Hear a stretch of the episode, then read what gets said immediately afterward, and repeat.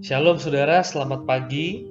Pada hari ini firman Tuhan saya ambil dari Yosua 4 ayat 21 sampai 24. Dan berkatalah ia kepada orang Israel demikian.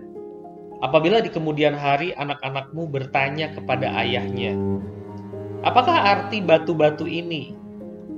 Maka haruslah kamu beritahukan kepada anak-anakmu begini: Israel telah menyeberangi sungai Yordan ini di tanah yang kering. Sebab Tuhan Allahmu telah mengeringkan di depan kamu air sungai Yordan sampai kamu dapat menyeberang seperti yang telah dilakukan Tuhan Allahmu dengan laut Teberau yang telah dikeringkannya di depan kita sampai kita dapat menyeberang supaya semua bangsa di bumi tahu bahwa kuat tangan Tuhan dan supaya mereka selalu takut kepada Tuhan Allahmu. Saudara membayangkan membaca ayat ini saya membayangkan di ruang tamu kita masing-masing ada lukisan, ada foto, ada foto pernikahan, ada pajangan tertentu, ada foto kita lagi honeymoon, lagi prewed, prewedding dan lain sebagainya. Anak saya umur 2 tahun sekarang udah bisa ngomong dengan jelas melihat foto prewed kami. Papa, mama, sambil menunjuk ke arah papanya atau mamanya.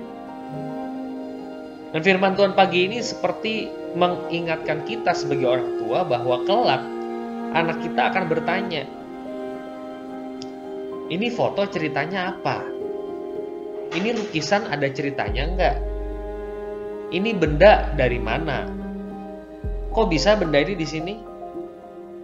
Dan kita sebagai orang tua harus punya cerita untuk diturun temurunkan.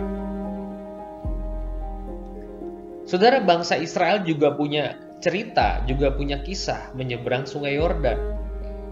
Mereka harus membuat batu peringatan bahwa pada hari itu Israel masuk tanah Kanaan dengan kaki kering Bayangkan saudara, kakinya kering lewat sungai. Ajaib. Cerita ini harus dipotret dengan batu peringatan sebagai pengingat supaya generasi yang ada di bawah mereka tahu bahwa Tuhan Yahweh itu maha kuasa. Saudara ada ada dua perenungan saya membaca bagian ini. Yang pertama, apa isi cerita foto atau benda-benda di rumah Anda? Coba Anda lihat sekeliling Anda, foto, benda-benda, magnet di kulkas barangkali. Apa cerita yang terkandung di balik benda-benda itu? Apakah ada satu benda atau potret yang bisa membawa anak Anda takjub kepada Tuhan? Kita semua orang berdosa, kita tidak boleh mengesankan ke anak bahwa kita tanpa dosa. Yes, saya setuju dengan hal itu. Tetapi kita juga harus menunjukkan kepada anak-anak bahwa Tuhan adalah Tuhan di dalam hidup kita. Sehingga anak-anak tahu bahwa orang tuanya adalah produk pemeliharaan Tuhan. Otomatis anak-anaknya juga produk pemeliharaan Tuhan.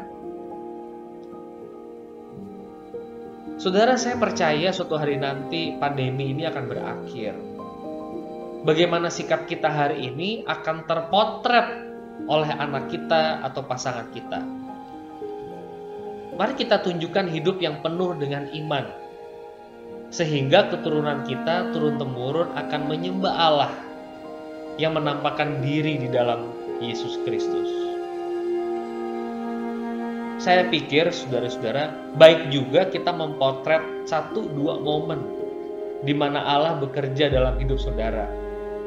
Saudara bisa merasakan real tangan penyertaan Tuhan.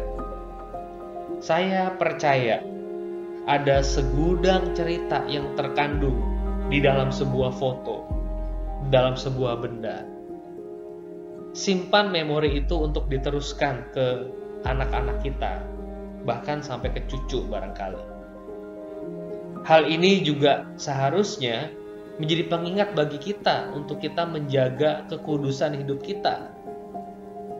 Jangan sampai ada noda kecemaran yang membuat kita sulit untuk menceritakan makna potret kecemaran itu ke anak-anak kita? Potret seperti apa yang saudara mau turunkan ke anak cucu kita?